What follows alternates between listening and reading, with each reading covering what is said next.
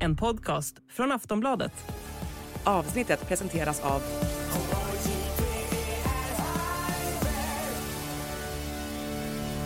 Stödlinjen.se, åldersgräns 18 år.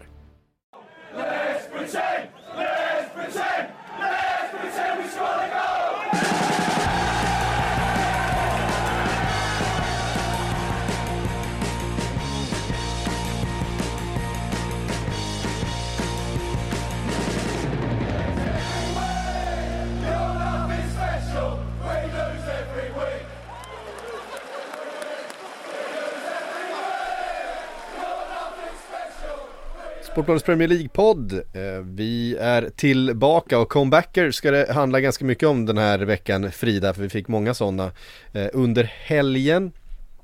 Ehm, jag måste säga det, mina kollegor klagar alltid på mig att, att vi aldrig presenterar oss ordentligt. Jag kanske nämner dig och Makoto vid förnamn ibland, men Patrik Syk och Frida Fagerlund heter vi eh, som sitter här och pratar. Så nu, nu har jag gjort mina kollegor nöjda också. Ehm, vi måste börja på Old Trafford Frida. Vi har ingen tid att, att förspilla eh, inför det här eh, makalösa som, som känns Jag vet inte men det kändes signifikativt på ett annat sätt. För att Brighton åker till Old Trafford och är betydligt bättre. Och de är på vissa sätt kanske också favorit inför den här matchen. Åker dit och, och spelar som att de är det bättre, större laget. Eh, och det är verkligen, alltså det känns så anmärkningsvärt. Jag vet inte vad det har känts så tidigare men Men eh, krisen i Manchester United den, den bara vill inte gå över. Nej, sen är det ju inte första gången som Brighton besegrar Man United. Så är det ju. Så att, eh, Men det, har alltid, ja, då har det- alltid känts som mer av en skräll att man har liksom haft ehm, Ja men lite så här kanske marginaler med sig. Man har ändå känt att Manchester United var en ganska stor favorit på förhand. Eh, ah, jag vet inte, det kändes lite annorlunda den här gången. Jo, ja men det, det gjorde det kanske. Ehm, vi har ju pratat om det de senaste veckorna, eller i alla fall sen West Ham slog Brighton. Eh, Alltså hur slår man Brighton 2023 i Premier League? För att Brighton är ett av de absolut starkaste lagen. Det Ja. råder det ingen tvekan om. Och West Ham valde ju att ja, sitta lågt och eh, satsa på kontringar. Men United valde ju en liten annan approach som faktiskt var rätt så lyckad fram tills då Brighton får sitt första mål. Och det var ju att de bildade en diamant på mittfältet. Och ehm, de, de lyckades faktiskt sätta sin press under de första, vad blir det, 20 minuterna av matchen. Ehm, men det är, och de lyckades bromsa in Brighton då som inte riktigt visste vad de, vad de skulle göra och det Cherby sa det på presskonferensen efteråt också att de hade ju inte väntat sig att Man United skulle spela med en diamant så att de stoppade ju upp helt centralt. Men vad som hände då egentligen och det var på många sätt målet som hjälpte Brighton att eh, förändra detta rent taktiskt. Och det var att Lewis Dunk och eh, van Hecke då, som är den andra mittbacken, de bestämde sig för att bredda sen, ehm, för att bredda helt enkelt istället för att stå så, ehm, stå så tätt. Och sen så började man involvera målvakten Steele i matchen ännu mer, eller i själva spelet, vilket gjorde att då fick Man United mycket svårare att, att ehm, ja men att pressa, för de visste inte riktigt, det var hela tiden en, en spelare för mycket och då kunde Brighton spelar sig runt mycket enklare. Och det är egentligen frukten av det vi ser vid alla mål. Eh, Brighton involverar ju väldigt många spelare i, i nästan alla sina anfall och det ser man också vid målen att det, det är många spelare, spelare inblandade, det är många passningar som, som sker. Så att det var på något sätt det som gjorde att Brighton fick kontroll över matchen för att de där inledande 20 minuterna då var Man United faktiskt ganska bra. Ja, och just det här eh, taktiska skiftet som, eh, som De Serbi gör där när han, han ändrar sin uppställning. Han tweakar lite grann för att, för att komma runt den här eh, diamanten på mitten. Och inte minst så frigör ju det Tarek Lamptey på vänsterkanten som man blir ju otroligt glad över att, förlåt, att se spela fotboll på det här sättet igen. Vi har ju vi minns ju hur, hur bra han var för, före skadorna. Ehm, den där ytterbacken som bara flyger fram och, och känns som man kan ta sig förbi en mot en när som helst och eh, skapar målchanser för, eh, för andra och vi har ju inte sett den Terry Clampty på två år känns det som. I den här matchen ja, har... så kändes det som vi verkligen fick se det igen. Det kändes som den gamla Terry Clampty och eh, han ligger ju bakom ganska mycket av det som, som Brighton gör eh, när man vänder det här. Ja, vi har ju inte sett honom på vänsterkanten framförallt. Nej, det nej det, han spelar ju på, på, andra kanten i den här matchen också. Ja, det, det gjorde han ju. Men det är ju lite så med de här Brighton-spelarna att ja, det spelar ingen roll att man byter ut 6-7 stycken av dem och spelar dem alternativt på andra positioner för att de är lika skickliga ändå. Jag tycker Danny Welbeck också ska ha en shoutout särskilt vid 1-0 målet för att det är på något sätt han alltså just det här är att han droppar ner och får bollen, han är involverad i hela det anfallet från, ja men i stort sett från början till slut. Eh, så att det är många intelligenta spelare i det laget. Jag tror att det är Lalana väl som hoppar över bollen för att han känner ja. att Welbeck kommer i, i ryggen så att de känner varandra utan och, utan och innan. Och ja, ja jag blir ju också fortsatt imponerad av Leo Stank för att jag tror att han är jag tror att han är viktig för De Cherby just det här i att hur De Cherby får ut sina instruktioner på planen och sådär. Lalana är ju också en spelare som vi vet kommer att bli tränare efter karriären men mm. jag är så oerhört imponerad av Dunk och på sättet som han har utvecklats de här senaste åren. Det är inte konstigt att han är med i, i Englands landslag nu för att uh, han förtjänar det. Han, uh, nej, han, han gör det otroligt bra. Mm. Och fascinerad över, över Adam Lallana som man ju hade skrivit av kanske lite grann från den här nivån. Spelade inte jättemycket sista säsongen i, i Liverpool, gick till, gick till Brighton och fick eh, Han har ju också brottats med väldigt mycket skador såklart men, men eh, har ju varit en, en nyttig spelare de, de gångerna han har varit tillgänglig. Men att han så här i De Serbis lag säsongen 23-24 skulle gå in och ta en startplats och spela på det här sättet samtidigt som han tränar lagets U23. eh, vilket han gör som assisterande tränare och jag tror involverad för förbundet också i något av landslagen, ungdomslandslagen. Eh, på något hörn. Det är en, det är en, det är en fascinerande eh, karaktär Adam Lallana på, på många oh. sätt i det här skedet av hans karriär. Verkligen, och man kan ju slänga in Grås där också i den. det är också mm. häpnadsväckande och han, är, han blir uttagen till Tysklands landslag för första gången i karriären nu nyligen. Och jag menar, vad är han, 32 år gammal? Ja. Eh, det är ju också eh, fascinerande i sig. Sen kan man ju påpeka det också att Ten Hags uttalande på presskonferensen efteråt var ju inte populärt. Det här är att alla klubbar spenderar pengar. Eh, nu kommer jag inte ihåg ordagrant men det blir ju lite löjligt där hela Brighton startelva kostade typ 17 miljoner pund. Ja, precis. Och så har man Man United som kostade ja, drygt 347 miljoner pund. Det är ju lite skillnad i vad man har investerat i sina spelare om man säger så. Ja. Även om Ten Hag såklart, man får väl ändå ha lite sympati mot att han har haft ett par tuffa veckor här med krissituationer, ja. krishantering. Eh, nu senast Jaden Sancho. Han har inte så många yttrar att välja bland heller. Så att, eh, nej, han är, han är pressad. Ja, eh, extremt pressad och det var det, lite det jag var inne på i början här att med det som kändes annorlunda med den här segern för Brighton handlar ju egentligen mer om Brighton än om Manchester United om man ska vara riktigt ärlig. För Brighton känns nu som ett lag som kommer vara med högt uppe ingen skulle bli förvånad om Brighton hamnar före Manchester United i tabellen den här säsongen tror jag. Det skulle vara en överraskning men det skulle inte vara Leicester vinner, vinner ligan chock på något sätt. Alla vet att Brighton är tillräckligt bra för att ta en typ fjärde femte plats i den här ligan. Eh, ja, alltså, är, de har den respekten nu. Absolut. De har den respekten och det, det, är den, det är det de kliver in i den här matchen på Old Trafford med.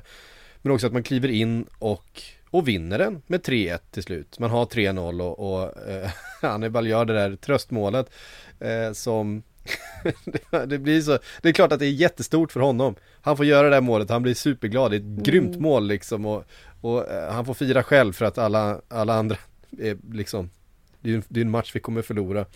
Eh, ja, sen hade ju speciellt. Höjlund, han hade ju det bortdömda ja. målet där också där bollen var precis över kortlinjen när mm. Rashford slog inlägget. Eh, han var ju annars någon som publiken verkar tycka om att Ja. se. Rasmus Höjlund och Ja, men han- eh, han- det han känns- buades rejält när han byttes ut. Ja, det känns som att det är en spelare som kommer vara väldigt, väldigt viktig för Manchester United den här säsongen. Sen förstår man ju att han har varit skadad och han har eh, det är rätt viktigt att han inte spelar för mycket nu, att för mycket hänger på hans axlar i det här skedet av karriären. Eller skedet av säsongen ska jag säga. Så att, eh, att Ten Hag tar- ut honom, det, det har jag full förståelse för även om det buas från, eh, från läktarna. Eh, Allting kan inte hänga på honom, det finns ju fler spelare i det här laget också. Sen en sån som Casemiro eh, har ju inte kommit upp i nivå den här säsongen jämfört med förra.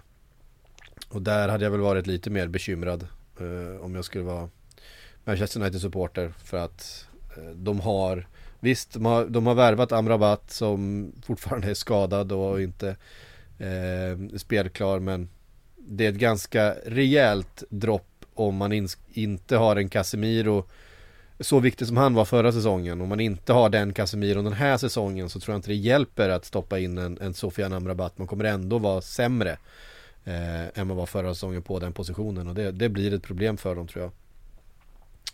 Ja. Det- nu det var... var- ju han en av de här brassarna som var iväg på, på landslagsuppdrag Mm. också. Man får kanske ha med det i, i tankarna. Att... Han, han var inte den enda sydamerikanen som hade rätt tunga ben eh, den, här, den här helgen om man säger så. Vi, ska, vi, vi kommer in på ett par andra. Eh, det har kommit uppgifter också så jag om eh, eh, bråk mellan spelare efter eh, matchen här nu. Eh, det är väl inte helt oväntat att man är besviken och att man eh, ryker ihop lite grann. Det är väl inte första gången det görs i ett, eh, i ett fotbollslag efter en, efter en tung förlust, speciellt på hemmaplan. Victor Nilsson Lindelöf sägs ju ska ha rykt ihop med Lisandro Martinez eh, bland annat. Och, jag har så svårt att säga det, jag vet inte varför. Ja, men, jag eh, har också det. Men, men Vigge har nog en, jävla- en, en, jävla skalle där ändå. Eh, och plus att han är ju en, en ganska senior figur i det här omklädningsrummet. Eh, vid det här laget. Och, och är nog en, en, eh, dels en spelare som Ten Hag har eh, haft ganska stort förtroende för sen han kom in. Eh, men också en spelare tror jag som, som har ett ganska, en ganska, ganska mycket pondus i det omklädningsrummet som, ehm, som kliver in och, och är en, en ganska hög röst där. Så att det, på, på det sättet förvånar det mig inte att han, att han eh, eh, är inblandad i, i det som händer. Jag tror inte han är någon som går och gömmer sig i det här skedet av karriären. Nej, precis. Han har ju han fick ju en del kritik där vid, um det måste väl nästan ha varit 3-0 målet. Ja, nej, han fick en Ja, del det var en- kritik. Var 2-0 målet eller 3-0 målet? Ja det var ett av målen där, där han, där han eh, gick bort sig lite grann. Eh, Faktiskt. Eh, Manchester United då på trettonde plats. Sex poäng Oj. efter fem spelade matcher. Eh, de är En, en, poäng framför Chelsea. en poäng framför Helt Chelsea otroligt. och på samma poäng som Newcastle. Eh, Wow. mm, det, Ja, det är men det är tre lag vi inte hade förväntat oss eh, ligga där. Ja. Om man säger så. Man är sex poäng bakom Brighton. Bara en sån sak. Efter fem spelade matcher. Ehm, och, och såklart hela nio poäng upp till Manchester City. Eh, som, eh, om vi ska ta oss dit då, vände och vann mot West Ham. Det som är så svårt att göra. Eh, det finns ju inget som, som West Ham att få det där ledningsmålet och sen bara gnugga sig till de där poängen. Det är ju David Moyes eh, specialitet att få ett lag som inte gör några misstag helt enkelt. Men det, det spelar liksom ingen roll, alltså när de har, jag menar Jeremy Ducko kommer in som nyförvärv och gör det han gör vid det målet. Det är ju helt ostoppbart. Eh, ja, de, är, de är så bra, Manchester City, så att det, det, det finns, jag, jag vet inte vad som ska bita på dem. Nej, det är intressant där med Ducko också för att jag eh, såg ju hans premiärmatch mot Fulham och då var han inte alls bra tyckte jag. Visst, man kunde se att han hade farten i sig och han utmanade ett par gånger men ja, tyckte ändå att han han, han, så, han såg inte ut att vara sådär jättemycket bättre Cole Palmer som vi flyttade till Chelsea på grund av att han kom in, eller det var väl en av anledningarna i alla fall.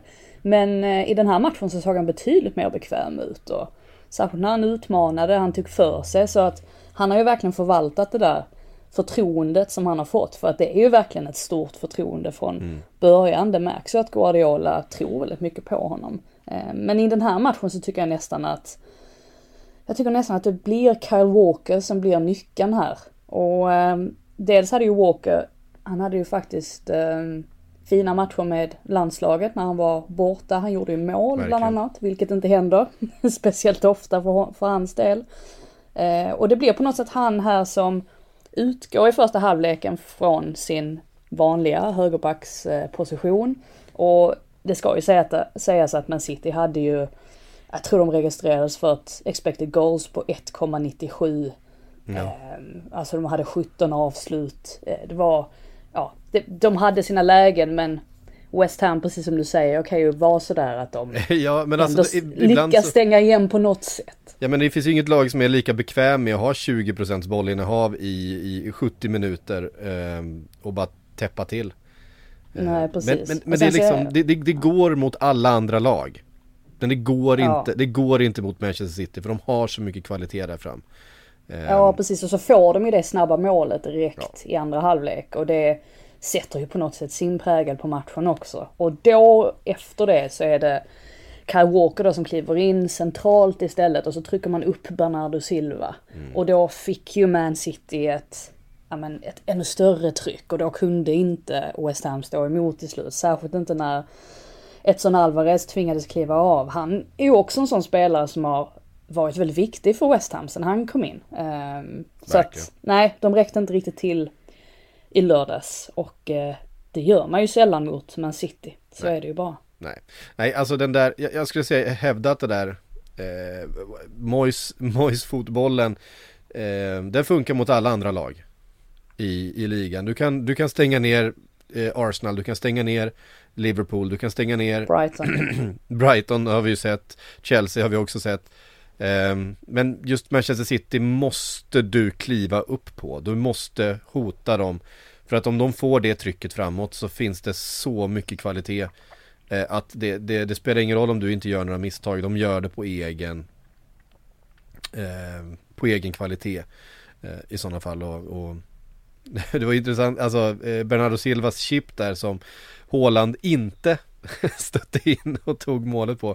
Eh, fick han ju tillbaks för eh, när Bernardo Silva spelade fram honom till ett, till ett helt eget mål sen, eh, lite senare. Mm. Det är också Haaland är, Haaland är ju rolig också det här med att han för jag tänkte på lite det, jag vet inte om du såg den intervjun med Arsene Wenger, det var väl i Independent för några veckor sedan där Wenger, han, ja, han klagade lite på att det inte finns så många nior idag, alltså spelare som, alltså riktiga nior som verkligen vill få in bollen i målet innan de mm. lämnar planen, annars är de förkrossade. Men Håland är ju fortfarande en sån spelare. Alltså man ser ju verkligen hur han andas ut av lättnad när han drar in en boll. För att då känner han att hans jobb är gjort. Ja, en boll eller flera.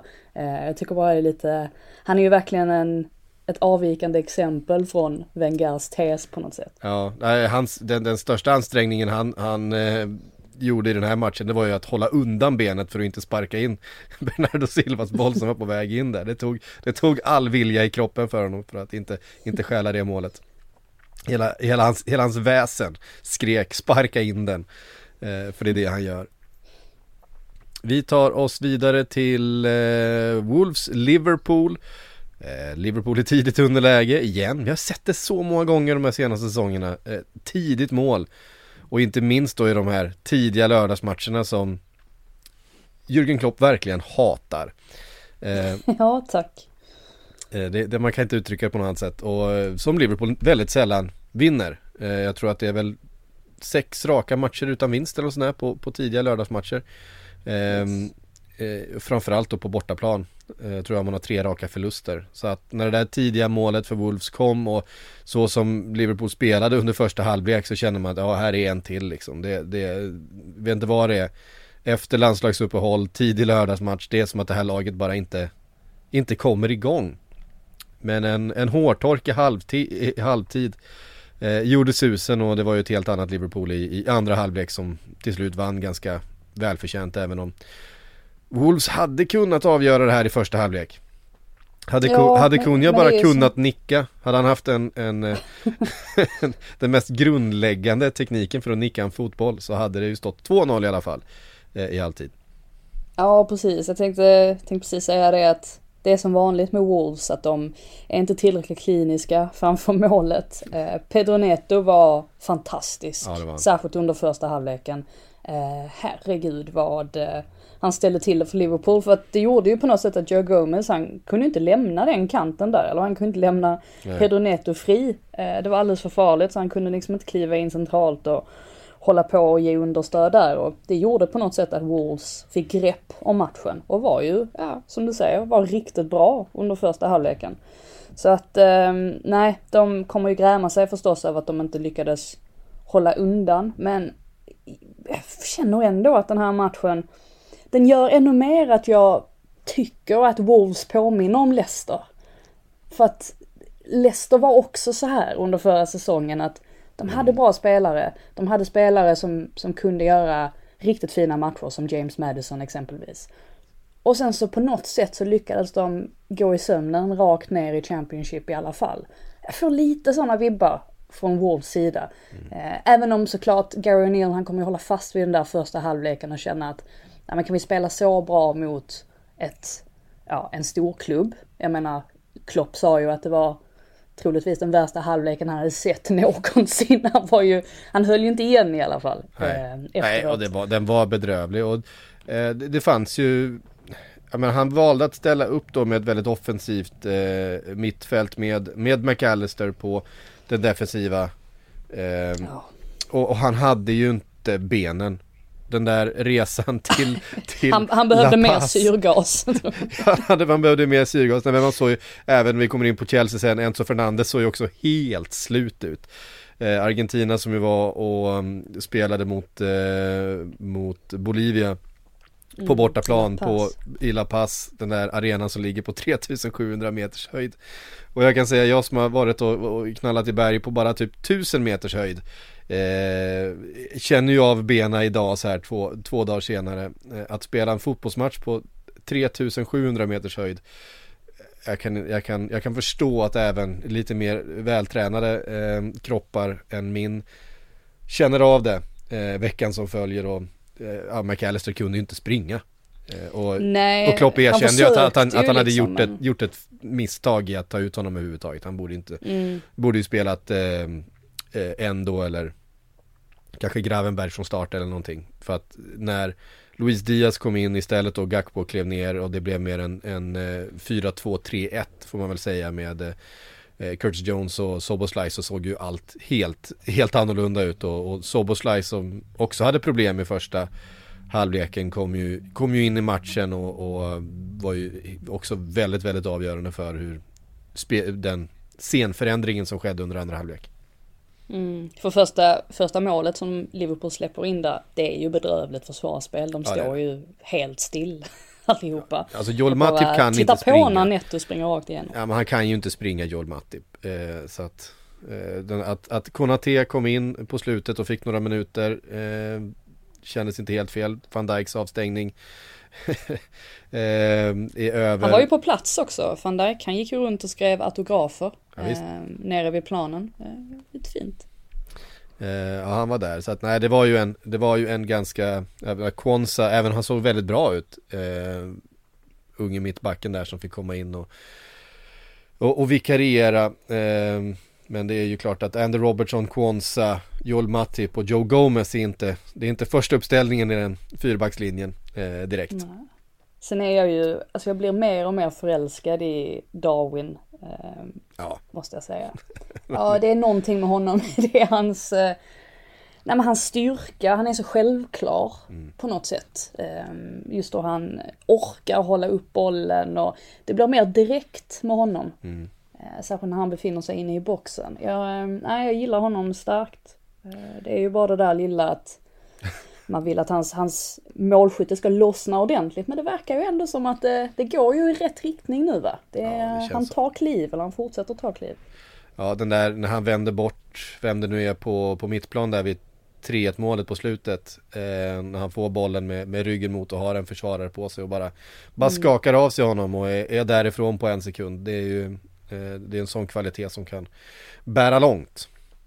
Sen var ju, alltså Klopp var ju, han var ju inte på bra humör efteråt i alla fall, trots tre Nej. poäng. Ja visst, han var väl glad över att de lyckades vända, eller det var väl mer en lättnad kanske än ja. en glädje. Men eh, nej, han fick, eh, han, han, fick ett, ett utbrott i alla fall, eller utbrott, men han ledsnade en gång rejält eh, när han stod och pratade med en av många reportrar som eh, smög in på ämnet om eh, spelarnas fysiska status och det började liksom närma sig det här 12-30 avsparks diskussionen. Mm.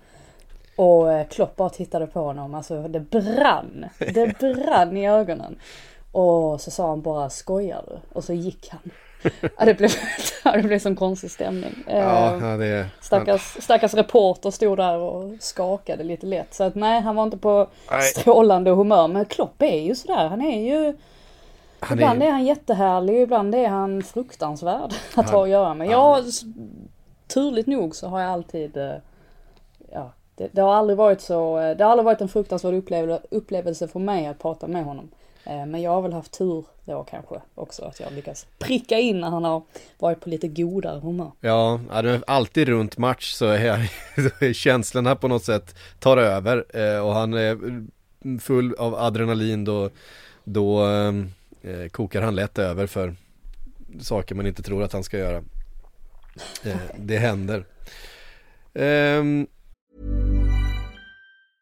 Normally, being a little extra might be a bit much, but not when it comes to healthcare. That's why United Healthcare's Health Protector Guard fixed indemnity insurance plans, underwritten by Golden Rule Insurance Company, supplement your primary plan so you manage out of pocket costs. Learn more at uh1.com. Många comebacker eh, var vi inne på, Liverpool var en, Manchester City en annan, en tredje var Tottenham och den var, den var sen mot var Sheffield sen, ja. United. Eh, Richarlison och Kulusevski, supermål, typ matchens sista spark. Eh, alla tre poäng till Tottenham som fortsätter hänga med där uppe i toppen då efter eh, fem spelade matcher. Eh, otrolig vändning i en match som man ska vinna såklart. Det hade ju känts otroligt snöpligt efter den här fina inledningen att tappa poäng hemma mot Sheffield United. Och det slapp man göra då efter Kulusevskis sena avgörande. Ja, man hinner göra mycket på 12 minuters tillägg. Ja. Eh, det är ju inte jättekonstigt att Kulusevskis mål är det senast gjorda målet i en match i Premier League någonsin. Uh, ingen, ingen jätteskräll kanske att han uh, nu innehar det rekordet. Men det var ju framförallt ja, inhoppet av Richarlison som förändrade mycket. Eh, dels så tar han ju en väldigt bra löpning där vid kvitteringsmålet som han själv nickar in. Eh, och sen så eh, är han ju även inblandad då i, eh, i segermålet. Och han har ju haft det tufft de här senaste veckorna, eller senaste veckorna, han har väl haft det tufft det senaste året egentligen. Han har ju varit öppen med att han har fått hjälp för sin mentala hälsa och det ska tydligen grunda sig i att det är några anhöriga eller några vänner till honom som har, har svikit honom och det är väl lätt hänt på den nivån kanske när man börjar få pengar och man börjar bli framgångsrik, då finns det säkert många som vill utnyttja ens, eh, ens ställning. Mm. Så att eh, nej, han har haft det tufft men har varit öppen med det och det här var väl kanske lite som en sorts ja, en frigörelse för honom. Att han fick ha den här, det här inhoppet, den här matchen och verkligen få, få visa Tottenham-supportrarna att han kan bidra till laget. Och jag pratade med en, en kompis som var där och sa efteråt att, alltså flera timmar efteråt så var det fortfarande sån här magisk stämning kring Tottenham Stadium och hela området för att, ja en sån här vändning det, som, precis som du säger, det, det, det finns ju långt, fanns ju långt mer att fira än om slutresultatet hade stått vid att man hade förlorat med Sheffield United med, med 0-1. Det här blir ju på något sätt ett ja, men ett, ett, riktigt energifyllt sätt att vinna på. Men det ser ju bra ut för Tottenham. Nu står de på 13 poäng efter fem matcher. Det är ju hur bra som helst. Så ställs man ju mot Arsenal nästa helg och ja, det är väl tröttsamt att hålla på och säga att då kommer det riktiga testet. Men eh, de kan ju på något sätt ändå gå in i den matchen och vara hyfsat lugna. Det hade varit värre om de hade förlorat den här matchen med Sheffield United och sen skulle att möta Arsenal. Nu, nu är de på något sätt, ja, de kan väl ändå känna att de ligger bra till i tabellen oavsett. Ja, verkligen. Eh, nej men det var, det var ett riktigt, riktigt eh, succéinhopp. Han spelar ju också fram till, eh, till Kulusevski. Eh, väldigt snyggt, en tunnelpassning. Eh, på slutet och, ja men Ange, liksom stämnings Eh, alltså den här goda stämningen som du är inne på, hela liksom arenan mår bra, laget mår bra. Det är så, det är så viktigt att det fortsätter att liksom, att alla fortsätter peka åt samma håll. Eh, Ja. i, i, eh, I Tottenham här samtidigt som för Sheffield United så är det väl tvärtom och eh, man har man har man är kvar på den där enda poängen man har tagit så här långt eh, och det är väl bara tur på något sätt att det finns andra lag i den här ligan som är eh, lika svaga eh, just nu annars så hade det nog känts som att, eh, att tappa poäng på det här sättet på övertid ehm, då kan det liksom ganska snabbt rasa iväg ner och sen så är man cementerad i botten eh, resten av säsongen. Det, det, det, känns, det ser tufft ut för de där lagen som är, som är i botten nu. Eh, väldigt lite tyder på att, på att de kommer befinna sig någon annanstans i slutet på den här säsongen. Eh, Sheffield United då, ett av lagen. Ett annat är Everton som eh, spelade mot eh, Arsenal 1-0. Ingen, ingen supermatch av Arsenal. Eh, Sean Dyche gjorde det han han försökte, han, han gör, han, det var ganska spelförstörande. Eh, Mycket avblåsningar, ingen riktig rytm i spelet så som Everton ville ha den här matchen. Eh, Får man anta, men problemet är att när Arsenal väl har eh, Gjort det där 1-0 målet så har man liksom inte en annan växel att lägga i.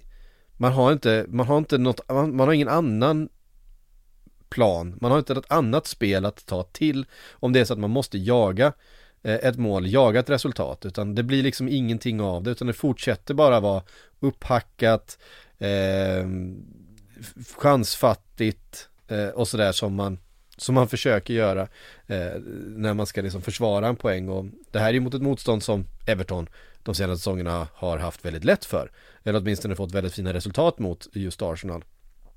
Men det kändes liksom aldrig som att man hade en väg tillbaks in i den här matchen när Arsenal väl hade lyckats eh, punktera den där nollan. Det ska ändå sägas att Arsenal, de flög ju ur startblocken. De var ju mycket, mycket bättre än Everton de 20 första minuterna. Egentligen fram tills de får det där målet, Martinellis mål som sen blir Ja just det. bortdömt för offside på Enketia. Eh, Det var ju lite kontrovers där huruvida Beto spelade bollen med vilje men domarna bedömde att han inte gjorde det så att målet dömdes bort och sen så tvingades ju Martinelli faktiskt kliva av typ 3-4 minuter efter det och det var då Trossard kom in som ju blev matchvinnare i slutändan. Eh, Jag tyckte att Arsenal var bra då och eh, Everton, det enda de försökte göra var ju i stort sett att överleva. Ja. Men sen så, precis som du var inne på, så fick de egentligen matchen dit de ville, att den hackade sönder lite mer och de började faktiskt komma upp på offensiv planhalva. Eh, men nej, de har ingenting att, att erbjuda egentligen så att det gällde bara för Arsenal att behålla tålamodet och ja, de... Det, ja, det finns ju det här med att Arsenal, de slår ju väldigt ofta den, den enkla passningen. Eh, eller särskilt i den här matchen, det är väl egentligen första gången som jag verkligen har märkt det så att, eller man har tänkt att, ja, ska man inte slå en lite mer riskfull passning? Men jag tror väl också att Arteta vill det här. De vill att, eller han vill att Arsenal ska vara lite mer som Man City, det här med att man kontrollerar en matchbild genom bollinnehav, eh, försvar. Eh, nej men bollinnehav är ju bästa försvaret, det, det brukar ju både Guardiola och De Cherby också för den delen säga och anse. Så att det är väl lite, lite ditåt som Arteta vill att Arsenal ska gå, att man lyckas få med sig de tre poängen här i slutändan om man gör det på ett hyfsat kontrollerande sätt. Och det tycker jag faktiskt att Arsenal gör. Sen var ju själva samtalsämnet inför matchen, det var ju dels att Kai Havertz bänkades för eh, Viera. Och det tyckte jag var rätt för att Viera har sett jättebra ut när han har hoppat in. Eh, Kai Havertz har ju inte riktigt imponerat. Och sen så var det ju faktiskt att Arteta valde att bänka Ramsdale också. och just eh, låta Raja få chansen. Och eh, ja, det kom ju rykten för några veckor sedan om att det här skulle ske och det är väl inte jättekonstigt med tanke på att Raja var en av Premier Leagues bästa målvakter förra säsongen. Eh, varför skulle han gå till Arsenal om han inte visste att det skulle finnas en chans för honom att, att spela men Ramsdale verkade ta det bra. Han stod och gjorde high fives med sina lagkamrater och sådär så att eh, ja, vi får se vad detta innebär för, för fortsättningen men det var ju inte avgörande, alltså målvaktsskiftet var inte avgörande för att man fick med sig tre poäng i den här matchen. Nej, katastrof för mitt fantasylag däremot. Eh, men- Oj, jaha. Ja, eh, så kan det vara. Nej, jag tyckte också, eh, du jämförde med Manchester City där, att med, med bollinnehavet eh, och så vidare. Jag tyckte målet så som det kommer till också på den här korta hörnan när man spelar runt och hittar den där ytan. Eh, Och den försökte de med. Ja. Eh, rätt så många det, gånger. är, är ju, det här är ju taget direkt ur Peps eh, anfallsbok. Det är ju den där ytan som Manchester City alltid söker. Som, eh, jag menar sen eh, David Silva som var så bra på att hitta, som Raheem Sterling var så bra på att utnyttja under sin tid i Manchester City. Eh, Phil Foden eh, alltid söker och så vidare. Det är precis den, precis det anfallet som, eh, som Pep Guardiola älskar som Manchester City alltid söker och som man ser här att Arsenal har jobbat mycket på att eh, det är den där, den där passningen, den där ytan, kortpassningsspelet in i, i straffområdet och, ehm, och sen är ju Trossard en matchvinnare. Eh, en spelare som gör den här typen av mål i precis den här typen av skeden av matcher. Eh, det, Det var det rätt så länge sedan senast och februari var väl senaste gången han gjorde mål i ligan. Eh, så att eh, ja, han hade väntat, väntat Mm. ett tag på det här. Vi eh, tar oss vidare därifrån då till eh, Newcastle som har öppnat säsongen svagt. Ehm, inte fått med sig så många matcher, haft ett ganska tufft spelschema också ska sägas. Så det satt långt inne mot Brentford. Eh, Alexander Isak på bänken hela matchen. Inte helt oväntat ändå, jag tycker inte han har haft sin eh, sin bästa period där de senaste matcherna. Han inledde ju säsongen väldigt fint. Eh, men har sett lite, lite blek ut de senaste eh, omgångarna här och fick då sitta, sitta på bänken hela matchen mot De Brentford. De har ju en match här ikväll också. Ja, de har ju det. kan ju vara det. Eh, då möter de eh, Milan på bortaplan. Eh, vi räknar väl med att, att eh, Isak spelar då.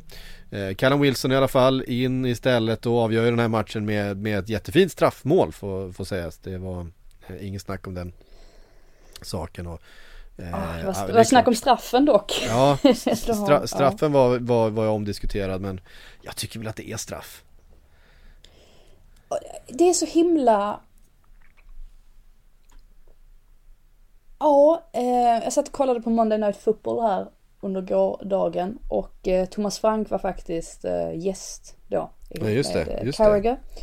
Och då diskuterade de den här straffen och alla var så här, ja det är klart att det inte är straff, det är inte straff, det är inte straff. Och det är det enda man har hört på något sätt, alltså sen dess att det är inte straff. Eh, just eftersom att fläcken drar sig ur situationen så menar man på att då ska det inte blåsa straff. För att det var väl så att Brentford fick inte en straff med sig i en liknande situation mot Tottenham. Det var väl Schade då eh, och Vicario måste det ha varit. Ehm, och då menade Brentford på att man fick förklaringen att nej men om målvakten drar sig ut ur eller om bollen inte går att spela på då ska det inte vara straff. Typ ungefär så. Och just därför så menade Frank på att ja men varför får inte, eller varför blir det här straff? Det är ju, det är ju fel då. Men jag kan, jag kan ändå hålla med, med lite grann. Alltså, ska man verkligen kunna, jag fattar ju det här med att Gordon, man ser på honom att han, han söker ju den också. Alltså han är ju smart i det läget. Han ser ju fläcken komma, komma flygande och sen så väljer han ju att, ja, han hjälper ju till lite. Men sen samtidigt ska fläcken kunna gå in på det sättet också. Ja, Nej, jag, det jag det kan väl- ändå det- hålla det- med dig om att... Det är eh, det, det, är det som jag egentligen tycker är eh, det mest avgörande att det, det hade varit frispark var som helst på planen. Jag bara, jag, jag vet inte, jag, för mig tyckte jag tyckte inte det var några konstigheter när jag såg det. Det, det inte. Jag, jag, det, där Nej, tycker, jag- det där tycker jag är straff. Jag, jag, jag förstår inte riktigt vad, vad kontroversen är. Eh, folk får säkert, eller folk får eh, höra av sig men han tar ju inte bollen liksom. Och visst att... Nej, att, och, då menar ju Frank att, att han drar sig ur situationen, att han fullföljer ju inte. nej Man men han glider ju han fortfarande försöker- in i honom, det är ju fortfarande kontakt. Ja, han, exakt, han fäller ju en spelare Ja, i straffområdet.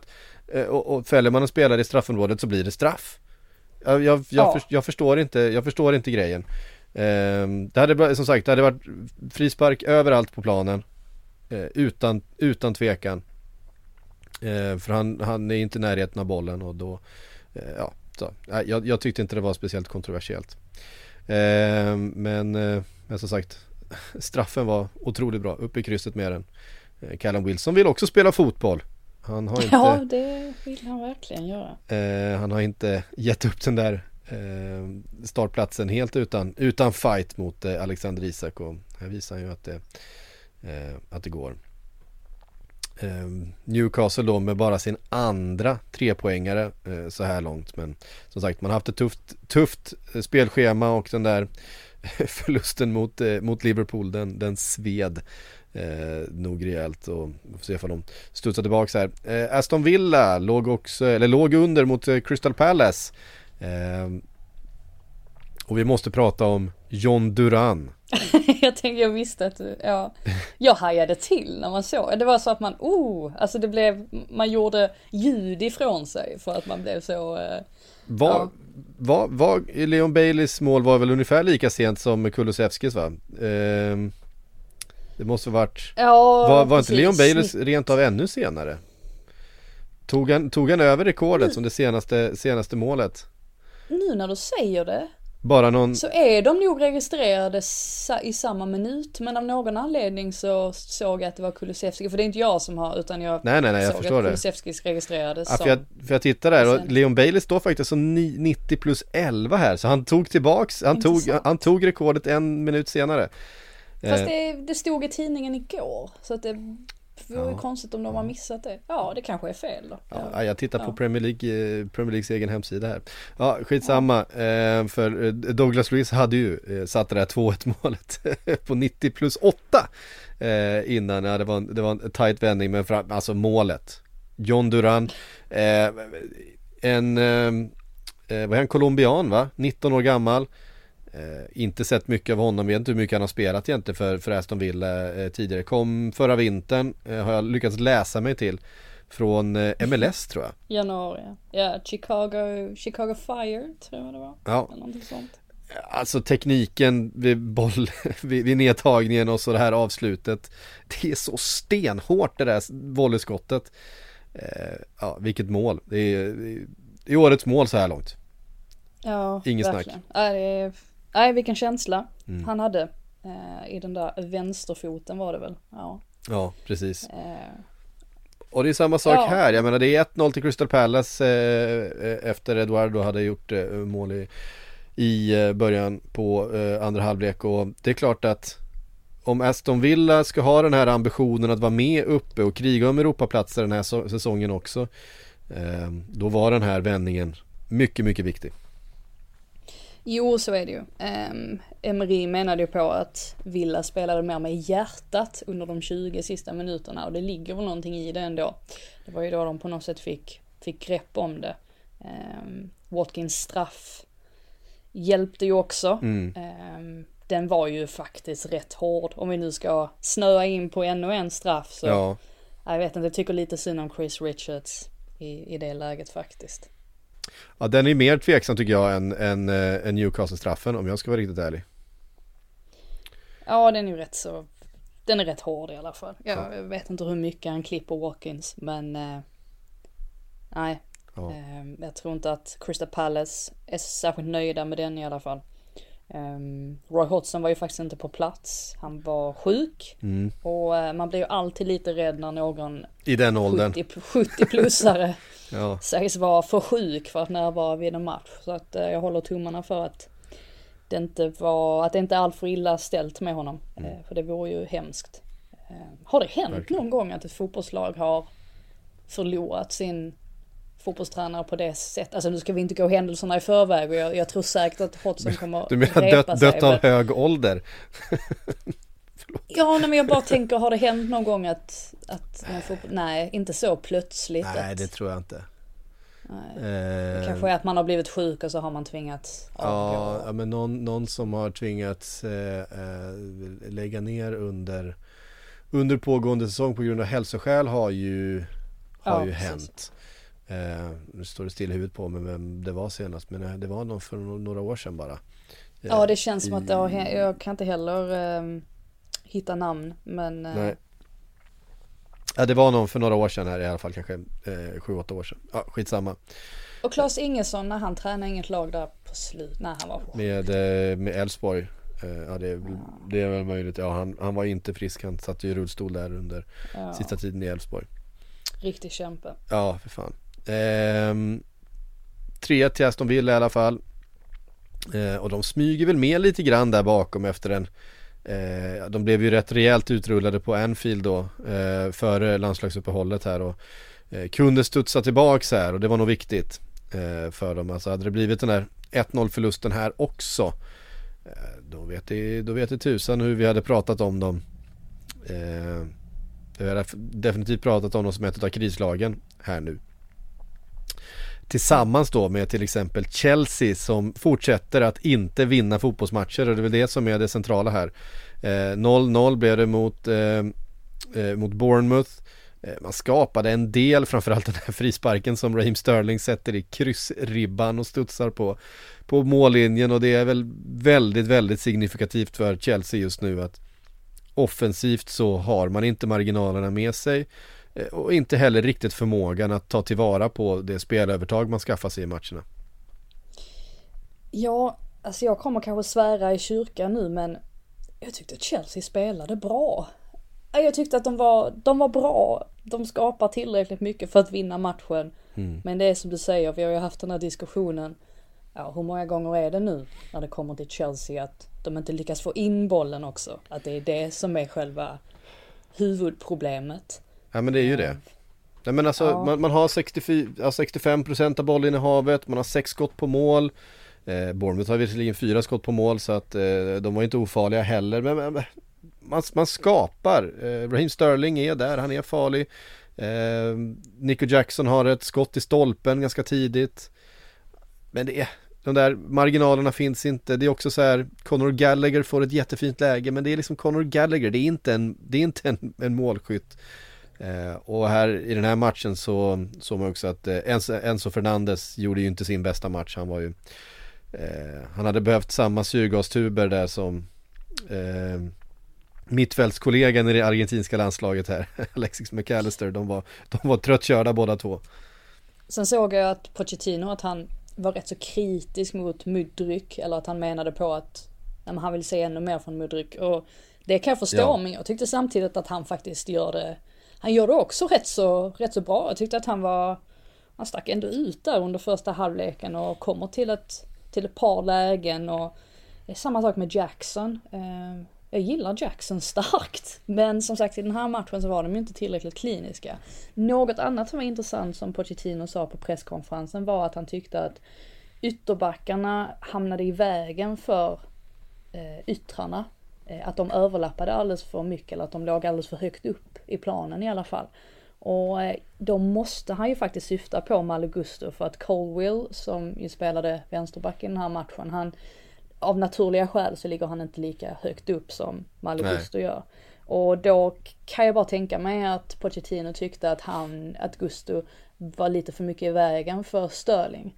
Jag noterar det som intressant bara för att jag tror att vissa skulle hävda att exempelvis Mydru kanske hade mått bra av att ha någon som överlappade ännu mer. Men eh, mm, det kanske var Pochettinos försök att sända ut något budskap till sina spelare också. Jag vet inte riktigt. Eh, Men i övrigt så nej.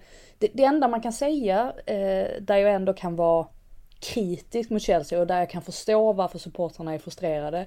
Det är väl mot slutet av matchen när man känner att Chelsea har en fullgod chans att få med sig alla tre poängen här. Men det är som att de nästan slår av på takten, att det blir Bournemouth som trycker på.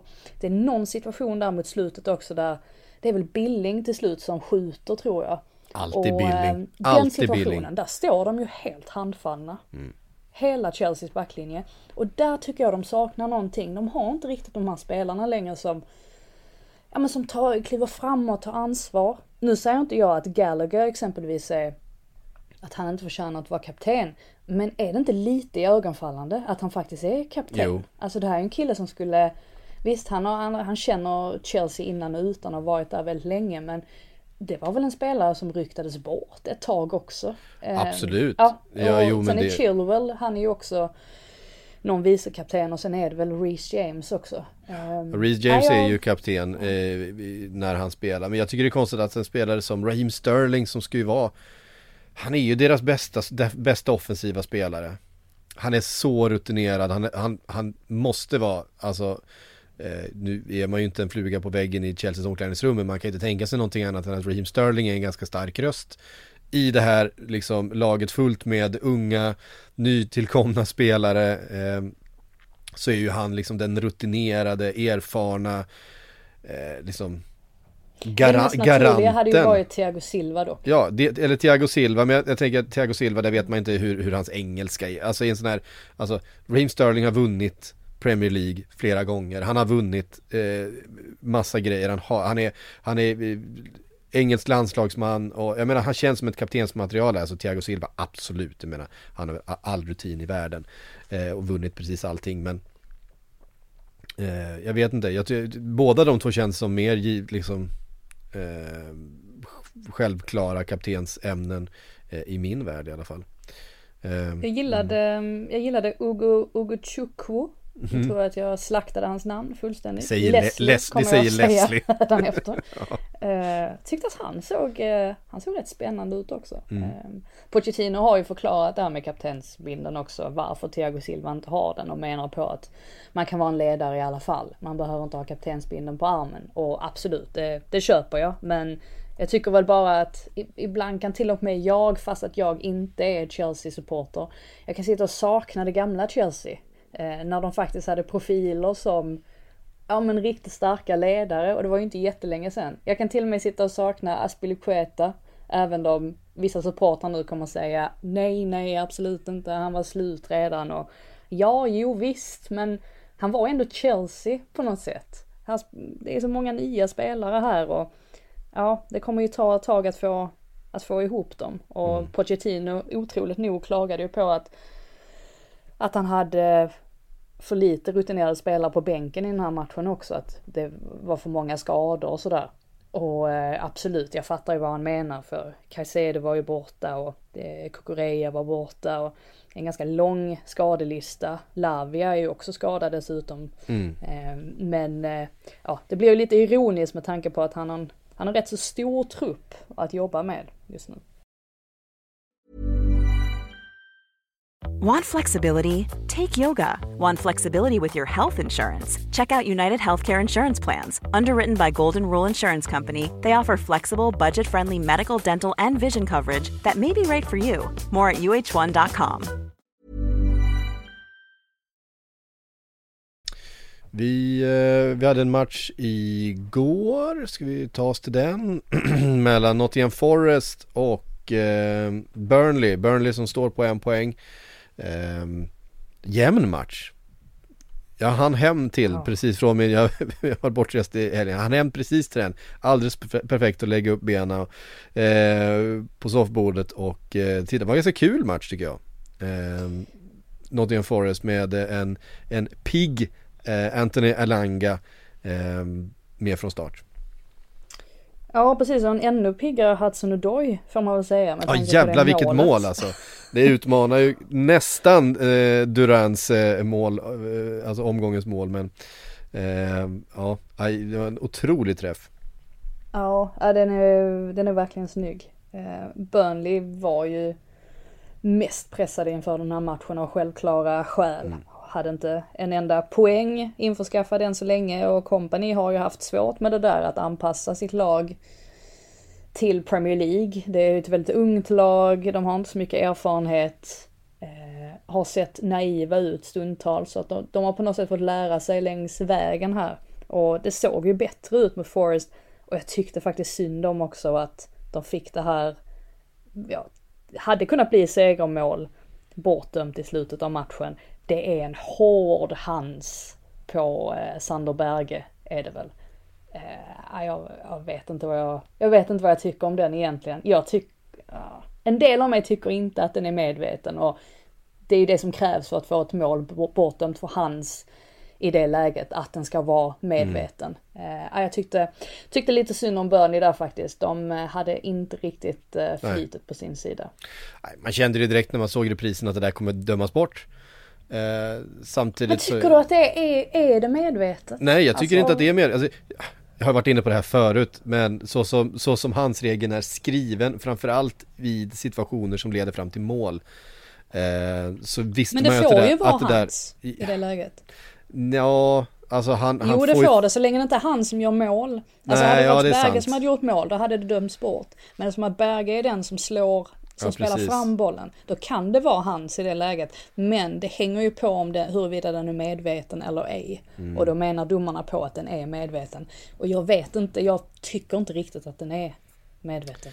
Men, nej, nej. Nej, nej, jag vet inte. Det kände, känslan var bara när jag såg att det där kommer dömas bort.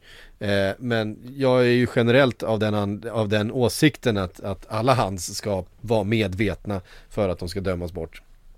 På tal om eh. att eh, slakta namn också så eh, kommentators uttag, eh, uttal vid Berge var ju också häpnadsväckande. Eh, ja, men han har ju gjort Sander Börs. Ja men han har gjort det själv ju. Han gick ju ut i en video. Ja. ja. han gick ju själv ut i en video och så här uttalar man sitt, mitt namn. Och så sa han Sander Birch. Och alla, Jaha. Men Ja, det är... Vi, Uttalar Sander Berge, hela, ja. bara tänkt att det är norskt, men det kanske inte är norskt Jo, det är, är norskt och det uttalas Berge. Det är bara att, att han av någon anledning försöker få någon slags internationell touch på det. Vi pratade om det här i Sillypodden eh, tidigare i somras. Eh, han hade gått ut med den här, eh, det var väl när han, i hans presentationsvideo tror jag. Eh, men det var ju länge sedan Ja, det var länge Varför har jag inte varför har inte jag vetat detta? Ja, det, det, det, där har du missat något. Det ringer i för sig, det ringer en klocka någonstans i bakhuvudet nu, men ändå, ja, kan man inte ändå, säga. för att det var, det var det som var så roligt, för att de hade lagt ut det här så här, och sen så var det liksom bara massa skandinaver under som var liksom så här, eh, nej, det är inte så där man uttalar det. Alltså, för... Men det är inte svårt för dem att säga, det är inte svårt för en engelsman att säga bög, bög i. Till och med det hade ju varit bättre. Ja, ja, men alltså Berg, Berg. Sander Bögi. Ja, exakt. Eh, ja, jag, vet inte, men det, det, det, han, han har sig själv att skylla där i alla fall. Eh, så är det. Det är inte bra när man lär heller hela världen fel. fel nej. De kommer aldrig lära sig då ju. Nej, nej, det går inte. de namnen. Eh, absolut inte. Eh, Fulham Luton, Luton kvar på noll poäng i den här tabellen. Jag undrar om de någonsin kommer ta en poäng. Ja, jag hoppas det. Ja, man hoppas det, men det, det ja, eh, det är så Eh, det är så uppenbart att Luton har inte ett lag för, för Premier League. Eh, man hade 22% mot Fulham i bollinnehav. Eh, man fick iväg sju skott visserligen men eh, 391 eh, bolltouch över 90 minuter i, eh, mot ett lag som man ändå ska försöka ha någon slags ambition att ta poäng mot, även visst det är bortaplan och så vidare men eh, Nej det räcker inte, det räcker inte till helt enkelt. Tycker ändå de har ett litet småmysigt mittfält nu med Lokonga, Nakamba och Chong. Jo. Med, eh, ja, och sen så sina två pjäser där framme. Eh, ja, absolut. Men, ja. Det är som du säger, jag tycker, jag tycker att Luton, eh, alltså den här matchen är ju jämn.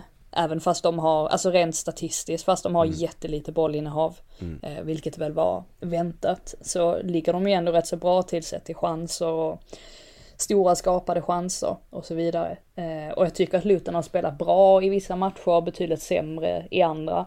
Eh, men, men precis, den överhängande känslan är ju att de inte räcker till. Och jag tror väl att de tycker att det är okej okay själva, de har fått sina pengar. Det var det absolut viktigaste, att stabilisera mm. ekonomin. Mm. Um, så att ja, vi kommer väl få se detta genom hela säsongen. Men det skulle inte förvåna mig om de helt plötsligt slår till och får med sig tre poäng för att man ska nog inte räkna bort dem helt men jag blir förvånad om de lyckas hänga kvar i Premier League.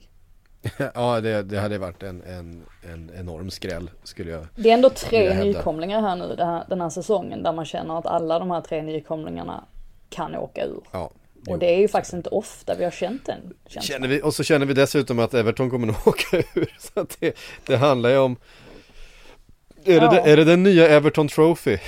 Att komma platsen ovanför nedflyttningsstrecket. Ja det är ju tur för Everton att de Ja. har de här nykomlingarna som inte övertygar. Annars hade vi ju placerat dem i Championship för länge sedan. Ja, nu har de ju ändå en chans på något sätt. Jag såg någonting fladdra förbi också om att Sean Dyche inte kan bli få sparken för att det finns ingen som kan det, alltså det, det finns ingen som kan delegera den ordern att han ska få sparken eftersom att de är mitt uppe i ett ägarbyte och så Ja, vidare. vi får Så väl att det säger väl rätt så mycket om Everton. Ja, och det är klart också. att det finns de som har höga förhoppningar på det här ägarbytet Men det finns också ganska många Everton-supportrar som är rätt så likgiltiga inför det här ägarbytet för vad Vad ska de göra?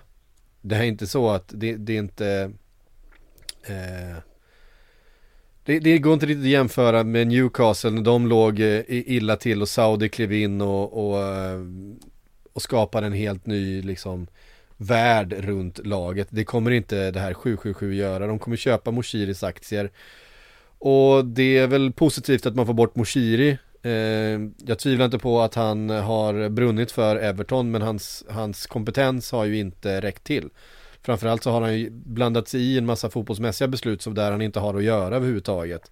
Eh, och det har ju varit katastrofalt vid många tillfällen. Alltså alla de här sopporna runt Benites, runt ehm, eh, eh, vi kommer ihåg den här Lucadinj-försäljningen och allt det där. Alltså de här besluten som har varit så helt huvudlösa, feltajmade, eh, dåligt planerade som Moshiri har, har fattat under eh, de här senaste åren är ju det som ligger till grund för att Everton nu är där de är. De är en, en av klubbarna som har, för han har stoppat in jättemycket pengar i den här klubben ska vi komma ihåg.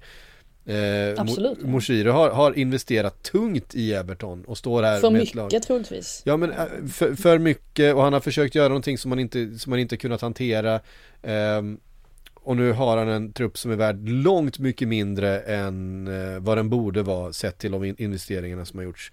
Eh, man har en dyr arena, där vi varit inne på, som håller på att byggas. Tveksamt om den kommer vara klar till nästa säsong.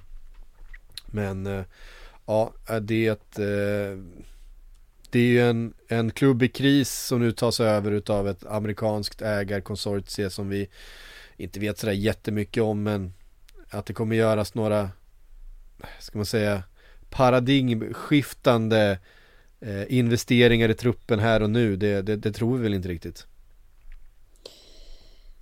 Nej, och det finns väl fortfarande oklarheter huruvida 777 Partners som de nu heter, det här amerikanska, den amerikanska investeringsfonden, huruvida de ens har tillräckligt med pengar för att köpa en majoritetsandel av klubben. Det är fortfarande oklart, trots att det borde vara klart med tanke på att de har kommunicerat ut ett pressmeddelande. Men Ja, vi får väl se vad som händer eh, fram tills de får grönt ljus.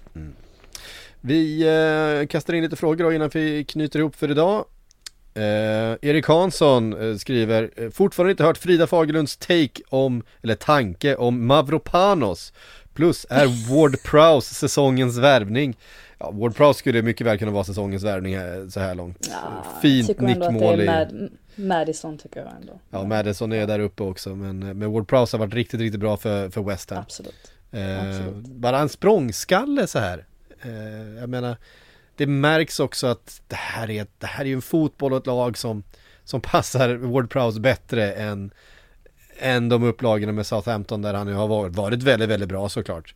Eh, och varit jätteviktig men mm, den här eh, Ja, det, det vet inte. Han verkar trivas otroligt bra. Den här målgesten han gjorde nu, sin gamla golfsving och så la han på de här West Ham-hamrarna eh, innan. Eh, han, verkar, han verkar trivas bra. Men din tanke om Mavropanos Frida? vad, vad, eh, vad ska jag ha för tanke? Eh, ja, man får kanske ge lite bakgrund till detta. Det var ju Mavropanos var ju Wengers sista värvning, eller det sägs att det var hans sista värvning innan han läm- lämnade Arsenal. Och eh, då hade jag väl någon sorts romantisk förhoppning om att Mavropanos skulle blomma ut och bli ja, nästa storstjärna. Och så blev det väl inte riktigt. Eller hans, eh, hans karriär har ju varit rätt så krokig sedan dess. Han lånades ut till Nürnberg och sen lånades han ut på nytt ut till Stuttgart och sen gick han permanent till Stuttgart och nu är han i West Ham. Så att eh, ja, han fick inte spela i mötet med Man City. Han satt väl på bänken tror jag. Eh, men eh, ja, vi får väl se hur, eh, om han får någon eh, fantastisk Premier League-karriär eller inte. Mm. Eh, Jean-Pascal eh, Struver skriver Tror ni eventuellt vi kommer få se en revolution inom fotbollen med att rotera målvakter? Brighton gör ju det och kanske Arsenal härnäst. Eh, ja, jag vet inte riktigt vad, eh, vad man ska vinna på det egentligen. Vi har ju sett lag som har gått med, med taktiken att ha två jämnbra målvakter som då ska konkurrera. Eh, det brukar inte leda fram till några sådana jätte, jättefina resultat. Det brukar då utkristalliseras vem som är den ettan och så blir det den, den målvakten som står i slutändan. Vad tror du om att rotera målvakter medvetet Frida?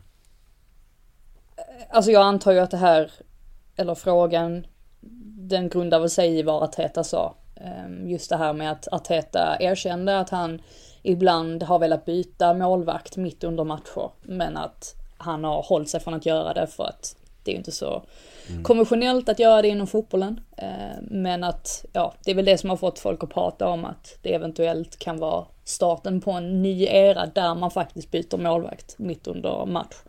Ehm, Jag vet inte om Brighton gör det. Jag vet ju att de har Verbryggen där och, och Steel. Men eh, jag vet inte om tanken är att man ska, att man ska matcha dem lika mycket eller sådär. Ehm, Det har jag faktiskt inte, det har jag inte riktigt, eh, riktigt noterat. Men visst, han har ju fått stå ett par matcher och Steel har fått stå ett par matcher. Eh, när De Cherby kom in så blev det ganska tydligt ändå att han inte trodde på Robert Sanchez. Så det var väl anledningen till att Steel då fick fick spela. Så att eh, nej, det, det blir ju det är en utveckling man får följa. I Arsenals fall och i Artetas fall så vet jag inte riktigt vad han, vad han vinner på det egentligen. För att jag tycker att Raya och Ramsdale är hyfsat lika varandra. Alltså sett till vad de har för styrkor och, och svagheter.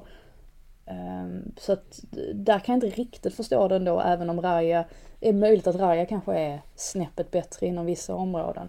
Eh, Sen finns det säkert något område där Ramsdale är bättre, men jag kan förstå det om en, en målvakt är jättebra med fötterna och den andra målvakten kanske är lite sämre på det men jättebra på någonting annat. Men när de är så pass lika, alltså rent egenskapsmässigt, då har jag lite svårare att förstå det faktiskt. Men ja, vi får väl se vad som sker. Mm. Jag tror snarare att vi, vi, vi befinner oss i en revolution eh, och där vi kommer se målvakter med ett mycket bredare kompetensspektrum. Kan man säga så? Med en större verktygslåda. Eh, målvakter som kan eh, mer grejer, som kan både spela med fötterna och Står kvar på linjen. Eh, och det ser vi att de, de, bästa, de bästa målvakterna i världen just nu är just målvakter som, som kan alltihop och det är de som är eftertraktade. Jag tror att bland de bästa lagen i världen så kommer man ha de bästa målvakterna och de kommer kunna allt det här. Jag tror inte att det kommer vara någonting som eh, blir eh, någon gängse praxis eh, bland de toppklubbarna i världen. Men det är möjligt för, för eh, i, i övergångsfaser, i perioder då man behöver olika egenskaper eh, kommer kunna göra det. Men vi får se, det kanske blir, det kanske blir någonting av det. Pelle Pettersson vill att vi ska prata om eh, krisen United. Vi gjorde det lite grann. Han undrar, eh, har Ten Hag börjat tappa kontrollen över omklädningsrummet? Vi var inne på att det var eh, rapporterade som bråkar efter eh, Eh, förra matchen och han tar upp då Ronaldo förra året, Maguire och, och Sancho i år. Det har vi också pratat en del om. Eh, Ja, det är inget lätt omklädningsrum uppenbarligen att, att eh, ha hand om. Sen så känner jag ju fortfarande att den här är rätt person att göra det men det kommer ta tid och jag, skulle man sparka honom här och nu, vi har också frågar om vem, vem vi tror blir den första tränaren att få gå. Jag tror inte att det blir den här. Eh, däremot Nej, så, så, så hänger så, så är ju arbetsmiljön kanske inte den, den bästa för stunden. Nej, och det, det gäller ju på något sätt för en tränare att eh, rensa bort alla de eh, dåliga äggen, så att säga. Ja. Eh, och det var ju faktiskt det som Arteta gjorde. Han fick rätt så mycket kritik under den tiden, eller kritik, men det var ändå tuffa beslut som han fattade i det här att han liksom helt bestämde sig för att ingen Mesut Özil, eh, sen så hela den här härvan med Aubameyang och eh, tog ifrån kaptensbilden för honom och han bestämde, han visste ju verkligen, han, han hade ju sin vision framför sig och visste att han måste bli av med de här lite äldre spelarna eh, för att kunna ja, fortsätta och det var ju ett par andra spelare också. Alltså alla spelare som inte skrev under på hans sätt att leda på mm. var han tvungen att bli av med. Och jag antar att Ten Hag sitter i en liknande sits. Och jag tror inte att han vill att Jadon Sancho ska komma tillbaka. Men problemet är att Man United har investerat väldigt mycket pengar i Sancho. Ehm, så att, ja, han sitter ju lite i en rävsax där på något sätt. Och sen så att han då har haft de här problemen med Mason Greenwood och Anthony nu som kostar en herrans massa pengar dessutom. Det är ingen lätt position. Men jag tycker väl inte heller att han fick ju inte saker fel så tillvida mot Brighton. Alltså precis som jag var inne på tidigare så de 20 inledande minuterna, jag tycker ändå formationsmässigt att han, att han fick det rätt. Men det är klart, börjar en tränare tappa omklädningsrummet, då är, det, då är det svårt. Han måste ha ett par starka röster på sin sida. Eh, så att, ja, men huruvida han har det, det, det är svårt att säga. Nej, nej, vi undrar väl.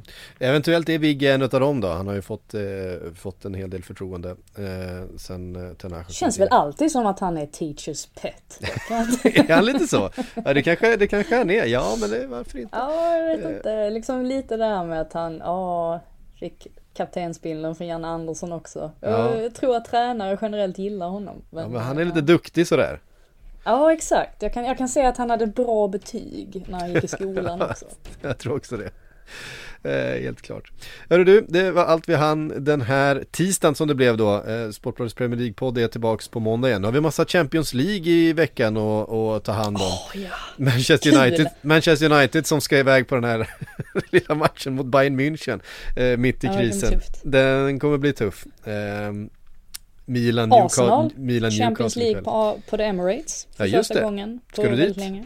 Ja, det ska jag. Härligt. Och så följer vi upp då med eh, ligaspelet från helgen som följer. Vi har ju North London Derby för fan på, eh, eh på söndag eh, klockan tre. Det blir, det blir spännande.